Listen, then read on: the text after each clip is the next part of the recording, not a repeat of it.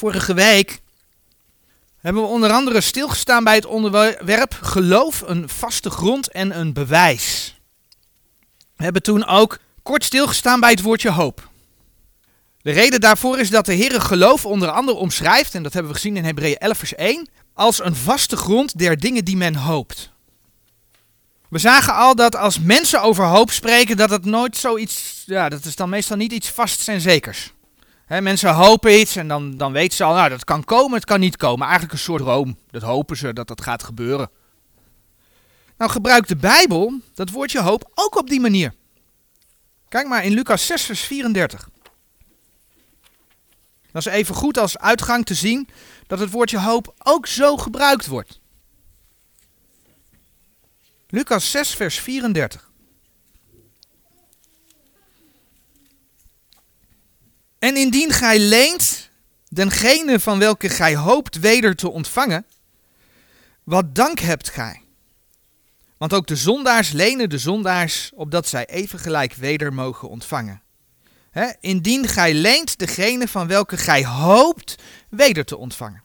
Het woordje hoop wordt hier dus gebruikt in de zin van ja, dat je iets hoopt, maar je weet niet zeker of dat gaat gebeuren. Maar blijkbaar als het om geloof gaat, is er een hoop die een vaste grond heeft. Dat is Hebreeën 11 vers 1. En daarnaast zien we dat Gods woord, in Gods woord dat hoop ook een verwachting betekent. En daarvoor gaan we naar Spreuken 10, Spreuken 10 vers 28. In Spreuken 10 vers 28, daar lezen we, de hoop der rechtvaardigen is blijdschap, maar de verwachting der goddelozen zal vergaan. Hier zie je dus dat de hoop der rechtvaardigen staat over, tegenover de verwachting van de goddelozen. Hoop is verwachting. Alleen de hoop der rechtvaardigen is blijdschap, maar de verwachting der goddelozen zal vergaan. Maar blijkbaar geeft de Heer een blijde verwachting, omdat er een vaste grond is. En daardoor kun je dus zeggen dat de Bijbelse hoop een verwachting is van iets waar je blij naar uit mag zien, daar mag je blij mee zijn omdat je weet dat het gaat komen. Het mooie is dat die bijbelse hoop eigenlijk altijd verwijst naar de komst van de Heer Jezus voor de zijnen. Een komst waar je als kind van God verzekerd van mag zijn. En daarom een komst waar je als kind van God dus ook naar uit mag zien, waar je blij naar uit mag zien. Daar mogen we verheugd over zijn. Onze Heer gaat komen. We mogen Hem tegemoet gaan. Nou, vanmorgen willen we meerdere teksten over hoop opzoeken die dat ook bevestigen. Teksten die laten zien dat onze hoop overvloedig is. In Romeinen 15, vers 13 laten we dat vers opzoeken. Hij staat ook op de dia, maar lees het even mee in je eigen Bijbel. Romeinen 15, vers 13. Romeinen 15, vers 13. De God nu der hoop vervullen uw lieden met alle blijdschap en vrede in het geloven, opdat gij overvloedig moogt zijn in de hoop door de kracht des Heilige Geestes. Lees hem nog één keer. De God nu der hoop vervullen uw lieden met alle blijdschap en vrede in het geloven, opdat gij overvloedig moogt zijn in de hoop door de kracht des Heiligen Geestes. Je mag dus overvloedig zijn in de hoop. De Heere geeft je niet een beetje hoop, hij geeft je niet gewoon hoop. Hij geeft je niet veel hoop, maar hij geeft overvloedig hoop. En ik moest daarbij aan Psalm 23 denken. Psalm 23. Daar lezen we in vers 5. Gij richt de tafel toe voor mijn aangezicht tegenover mijn tegenpartijders. Gij maakt mijn hoofd vet met olie, mijn beker is overvloeiende. De Heere zorgt voor de zijne. Hij leidt de zijne. En hoe mooi is het als je mag ontdekken? Ja, soms zijn er situaties dat je geen uitkomst ziet. En dat je dan mag ontdekken dat als je dan een stapje terug doet. En voor die situatie gaat bidden. Dat de Heere leiding, de leiding inderdaad daadwerkelijk in die situatie neemt. Probeer dat maar eens uit. Maar de Heere geeft dus, mijn beker is overvloeiende, de Heere geeft dus overvloedig hoop. Het mooie is als je in de directe context van Romeinen 15, vers 13 kijkt, dat je eigenlijk direct ziet dat het ook over de toekomst gaat. Kijk maar in uh, Romeinen 15, het vers ervoor, vers 12. Romeinen 15, vers 12. En wederom zegt Jezaja, er zal zijn de wortel van Isaï, en die opstaat om over de heidenen te gebieden, op hem zullen de heidenen hopen. En natuurlijk past Paulus dit in deze context toe op de gemeente, dat naast de Joden ook de heidenen de Heren zullen verheerlijken. Dat lees je onder andere in Romeinen 15, vers 6 tot en met 9. Maar wanneer gaat dit vers helemaal in vervulling? Dat je daar leest en die opstaat om over de heidenen te gebieden. Dat zal zijn in duizendjarig vrederijk. Als de Heer terugkomt, dat kun je in openbaring 19 vers 15 lezen. Dan zal hij hen hoeden met een ijzeren roede. Dan zal hij regeren over de aarde. Dan zal hij regeren over de heidenvolken die er dan zijn. Dan gaat het in vervulling. En dat brengt ons dus, want we lazen hier over, er zal zijn de wortel van Isaï. En die opstaat om over de heidenen te gebieden. Dat brengt ons meteen bij de Heer Jezus. Want hij wordt in Gods woord onze hoop genoemd. 1 Timotheus 1 vers 1. 1 Timotheus 1 vers 1. Paulus, een apostel van Jezus Christus, naar het bevel van God onze zaligmaker en van de Heer Jezus Christus, die onze hoop is. Hij zelf is onze hoop. Hij is voor onze zonde gestorven, begraven, maar ook weer opgestaan. De apostelen getuigen van zijn opstanding. En de Heer die geeft aan door Paulus dat een ieder die die opstanding ja, niet wil geloven, dat hij eigenlijk de ellendigste van alle mensen is. Als we naar 1 Korinthe 15 bladeren, dan lezen we in vers 19. Indien wij alleenlijk in dit leven op Christus zijn hopende, zo zijn wij de ellendigste van alle mensen. En waarom? Ja, omdat de verwachting van de goddeloze stopt bij het graf. Daar hebben we vorige week ook bij stilgestaan. Spreuken 11 vers 7, de tekst staat hier op de dia. Als de goddeloze mens sterft, vergaat zijn verwachting. Zelfs is de allersterkste hoop vergaan. Dus als je dan in het leven je best doet om de Heer Jezus in zijn voetstappen te volgen, hè, want dat is wat er nog wel vaak gepreekt wordt, we moeten Jezus in zijn voetstappen volgen. Maar als je niet in de opstanding wilt geloven, dan heb je je hele leven je best gedaan, werken gedaan, maar je bent geen kind van God, je bent niet behouden. Want het begint bij geloof in wat Hij voor jou gedaan heeft aan het kruis en opstanding uit de dood. Dus als je dat niet aanneemt, dan ja, is die persoon alsnog, ondanks dat hij zijn best heeft gedaan, verloren. Maar dan gaat 1 Korinthe 15 vers 20 gaat verder. Maar nu, Christus is opgewekt uit de doden. Hij is opgewekt. En is de eersteling geworden doorgenen die ontslapen zijn. De hele schrift getuigt eigenlijk van zijn opstanding. Maar dat betekent dan ook, hij is de eersteling, dat Gods kinderen zullen opstaan. Anders was hij geen eersteling. 1 Korinthe 15, vers 21 en 22 gaan dan ook verder. Want terwijl de dood door een mens is, zo is ook de opstanding der doden door een mens. Want gelijk zij alle in Adam sterven, alzo zullen zij ook in Christus alle levend gemaakt worden. En daar zien we waarom de Heer Jezus, naast dat Hij ons heeft verlost van de zonde, dat Hij onze hoop is. Dat Hij onze verwachting met een vaste grond is. Wij mogen uitzien naar de opstanding. Een opstanding die zal plaatsvinden in iets wat nu nog steeds zijn toekomst is. Hij is onze hoop. Maar dat vers in 1 Timotheüs 1 vers 1 spreekt over onze hoop. Dat geeft dus ook iets gezamenlijks aan. De Heer spreekt in zijn woord, als het om de gemeente gaat, dan ook over de vrouw. Openbaring 19 vers 7. Paulus geeft aan dat hij voor de gemeente het fundament heeft mogen leggen in 1 Korinthe 3 vers 10. En hij mag de gemeente toebereiden 2 Korinthe 11, uh, vers 2, toebereiden als een, een reine maagd om haar voor te stellen aan de Heer Jezus. Daar spreekt een eenheid uit. En ja, iedereen moet voor zichzelf een keuze maken. Iedereen moet zelf de Heer Jezus als zijn of haar persoonlijke verlosser aannemen. En ieder is voor zichzelf verantwoordelijk als die voor de rechterstoel van Christus komt. Lees de teksten maar in, in 1 eh, Korinthe 3 vers 12, 1 Korinthe 3 vers 13, 2 Korinthe 5 vers 10. Je staat persoonlijk voor de rechterstoel van Christus. Je kunt niet zeggen, ja maar mijn gemeente. Je staat er persoonlijk voor. Daar ben je persoonlijk verantwoordelijk voor. Je kunt niets op een ander afwentelen.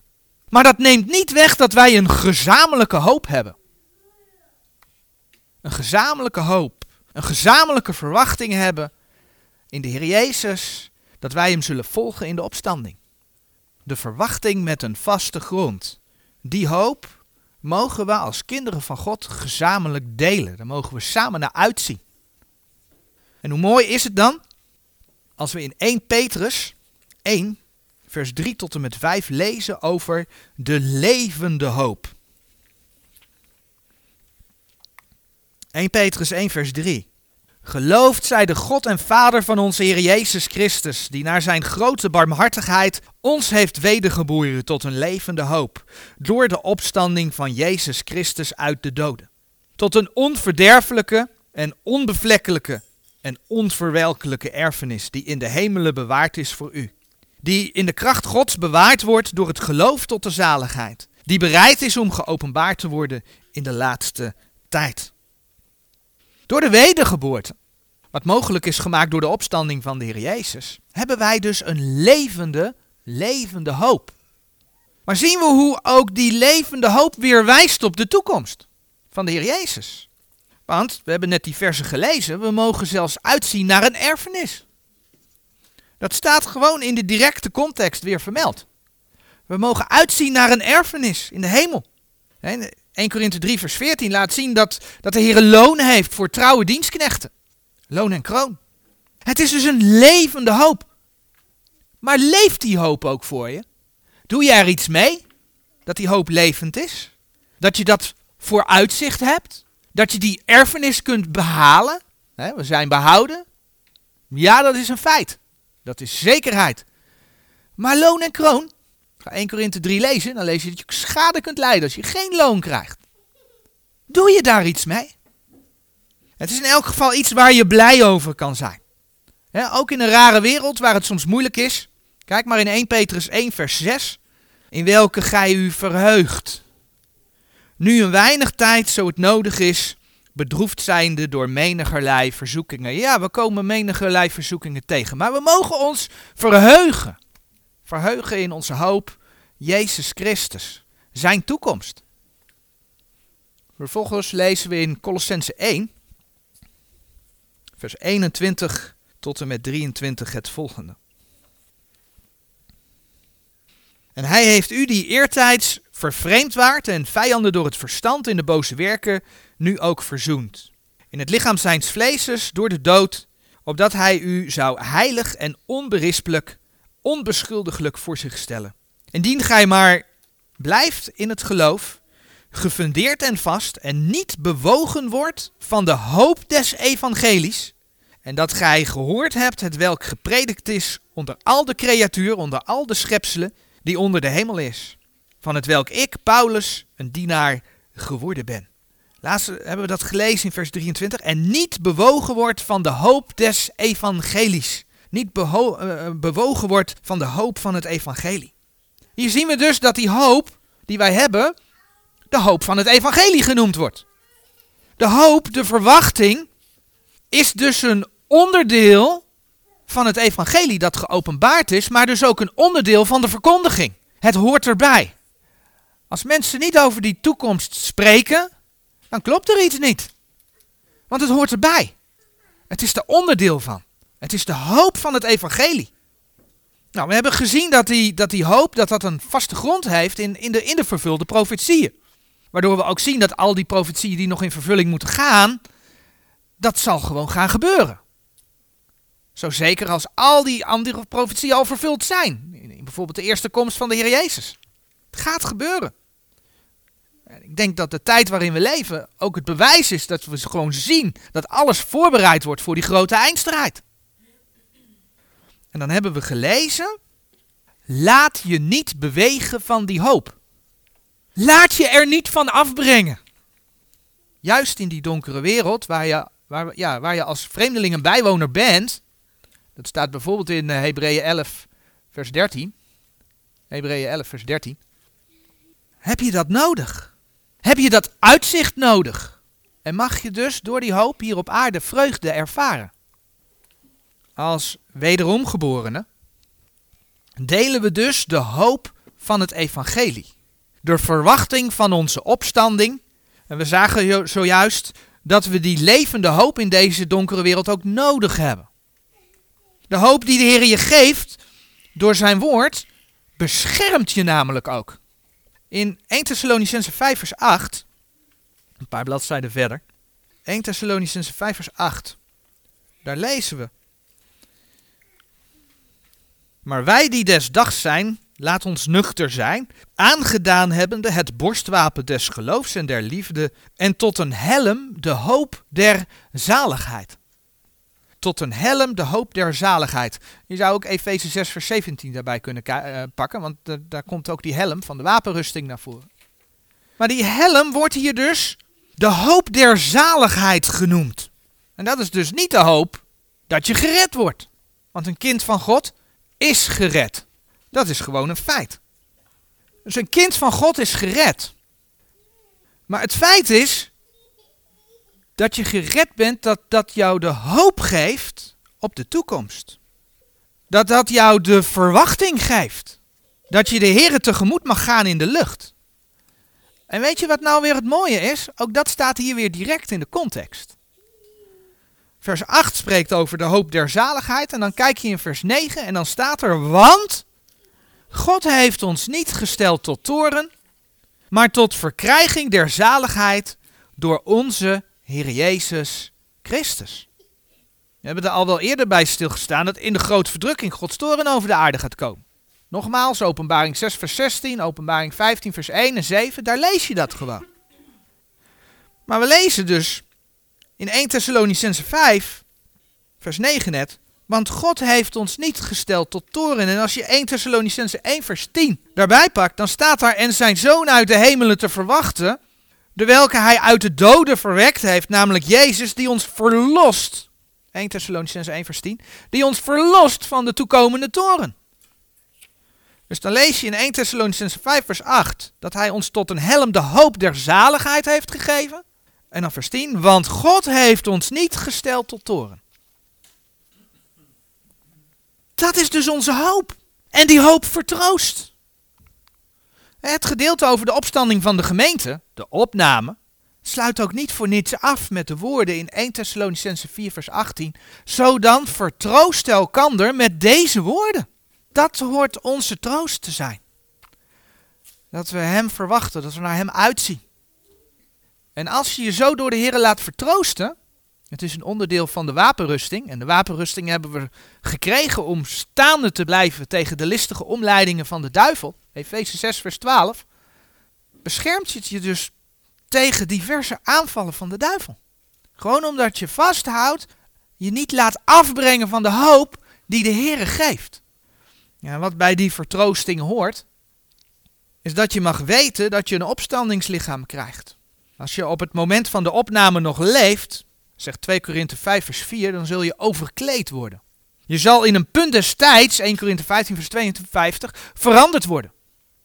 Want je zult Heer Jezus gelijkvormig worden. Nou, daarover laat ik allereerst een tekst uit de brief aan de gemeente zien. Een tekst die niet onbekend is, want die heb ik wel vaker aangehaald, maar we gaan hem toch even lezen. Filippenzen 3 vers 20 en 21. Daar lezen we. Maar onze wandel is in de hemelen, waaruit wij ook de zaligmaker verwachten, namelijk de Heer Jezus Christus. Die ons vernederd lichaam veranderen zal, opdat het zelf gelijkvormig worden aan zijn heerlijk lichaam. Naar de werking waardoor hij ook alle dingen zichzelf kan onderwerpen. Nou, de Heer laat zien dat dit, dat we hem gelijkvormig worden, dat dat een deel is van de hoop in de toekomst. Als je 1 Johannes 3 erbij pakt, 1 Johannes 3, vers 2 en 3, dan lees je dat. 1 Johannes 3, vers 2. Geliefden, nu zijn wij kinderen Gods en het is nog niet geopenbaard wat wij zijn zullen. Maar wij weten dat als Hij zal geopenbaard zijn, wij Hem zullen gelijk wezen. Want wij zullen Hem zien gelijk Hij is. En een iegelijk die deze hoop op Hem heeft, die reinigen zichzelf gelijk Hij rein is. Een iegelijk die deze hoop op Hem heeft. Dat is onze hoop. We krijgen een nieuw lichaam. We krijgen een opstandingslichaam. Zie je hoe als het om die geloofshoop gaat, hoe iedere keer die toekomst er ook bij komt? Gewoon in de context. De Heer laat het zelf zien. We zagen al dat de Heer Jezus de verpersoonlijking van de Bijbelse hoop is. In 1 Timotheüs 1 vers 1. Maar Colossense 1 vers 27 noemt hem niet alleen de hoop. Colossense 1 vers 27 noemt hem de hoop der heerlijkheid. Colossense 1 vers 27. Aan wie God heeft willen bekendmaken, welke zij de rijkdom der heerlijkheid, deze verborgenheid onder de heidenen. Welke is Christus onder u, de hoop der heerlijkheid. In de brieven aan de gemeente wordt gezegd dat de Heer Jezus in de wederom geborenen woont. Dat kun je bijvoorbeeld vinden in Galaten 2 vers 20. En omdat hij in de gelovigen woont, bevindt hij zich, zoals dit vers zegt, onder de heidenen. En daarmee is hij de hoop der heerlijkheid onder de heidenen. Maar dus ook de hoop der heerlijkheid in jou als wederom geborene. Nu weten we dat de hoop een verwachting is met een vaste grond. Maar waar verwijst die heerlijkheid naar? Waar verwijst die heerlijkheid naar? Nou, als het om de Heer Jezus gaat, verwijst dat vaak naar de hemelse heerlijkheid. In 1 Timotheus 3, vers 16 lees je dat de Heer Jezus is opgenomen in heerlijkheid. Voor de wederom geborenen. En dan heb ik hier Romeinen 8, vers 18 op de dia staan. Verwijst dat dan weer naar de toekomst? Want ik houd het daarvoor dat het lijden deze tegenwoordige tijd niet is te waarderen tegen de heerlijkheid die aan ons zal geopenbaard worden.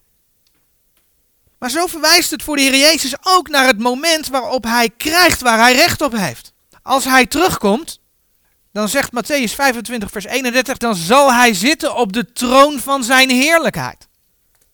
Dus opnieuw zien we dat de hoop der heerlijkheid in je uitzicht geeft op een heerlijke toekomst. Het verwijst naar de, de heerlijke toekomst die de Heer wil geven.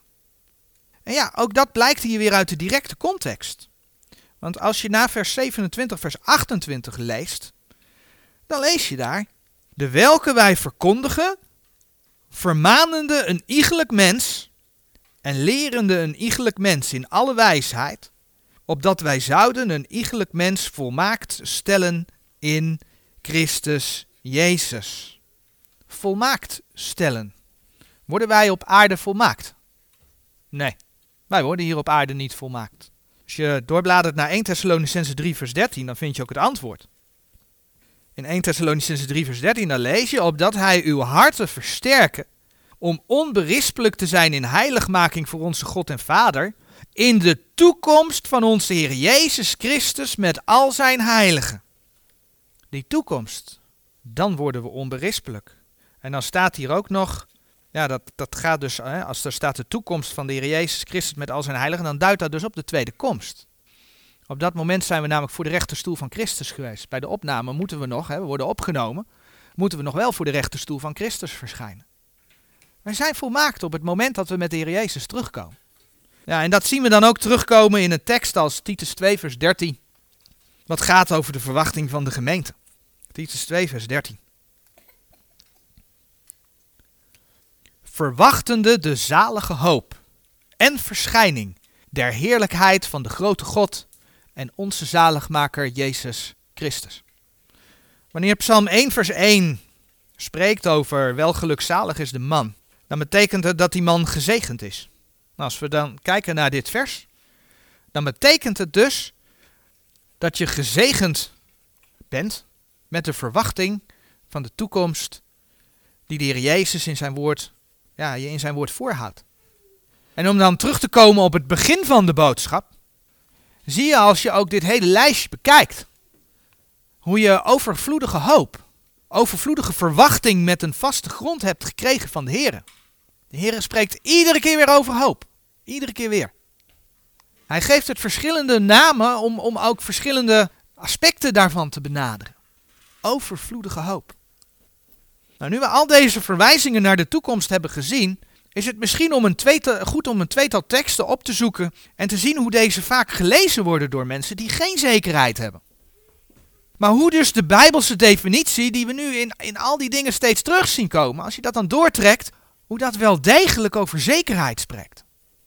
En het eerste voorbeeld wat we dan opzoeken is Titus 1, vers 2. Je zou dat ook kunnen doen aan de hand van Titus 3, vers 7. Want er staat niet helemaal woordelijk hetzelfde, maar inhoudelijk wel praktisch hetzelfde. Maar we doen het aan de hand van Titus 1, vers 2. En in Titus 1, vers 2, daar lezen we.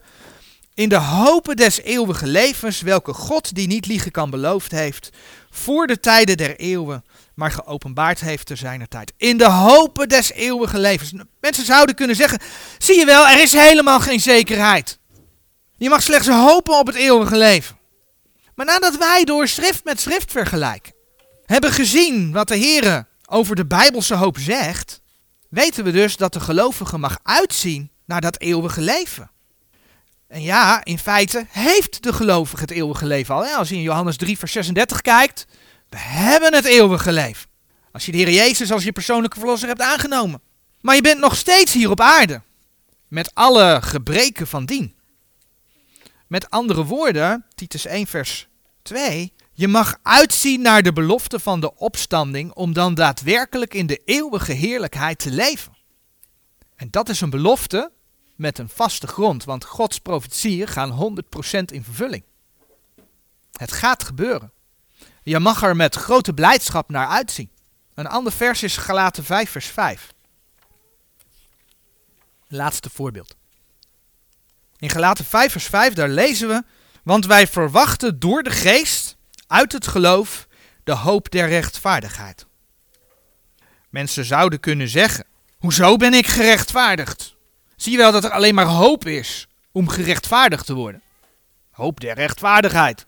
Maar de Heer zegt in 2 Korinthe 5 vers 21, en die tekst hebben we heel vaak gelezen, ik vertel het gewoon nu even, dat de wederom geboren gelovige in Jezus Christus Gods rechtvaardigheid draagt. 2 Korinthe 5 vers 21. En de Bijbel spreekt zichzelf niet tegen, want de Heer kan niet liegen. Hebben we zojuist nog in Titus 1 vers 2 gezien.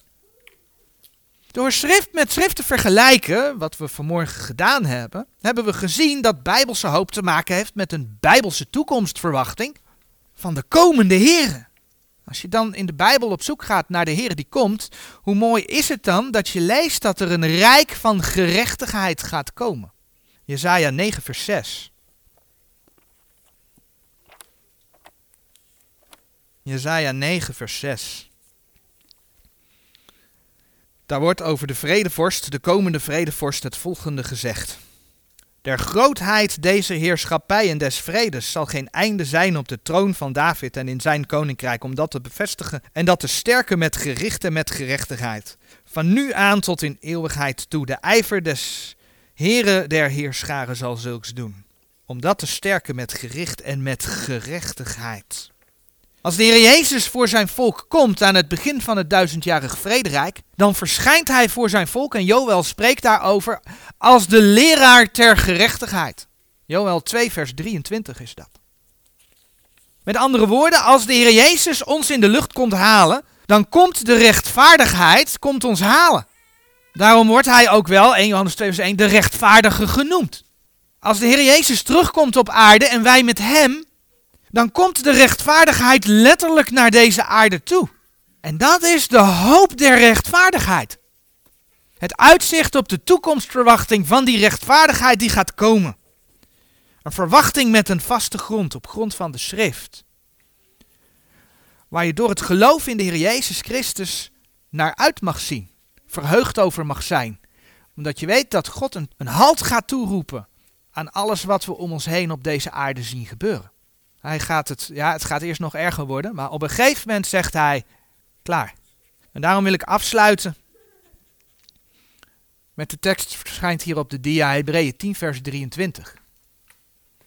Laat ons de onwankelbare, onwankelbare beleidenis der hoop vasthouden, want die het beloofd heeft, is getrouw.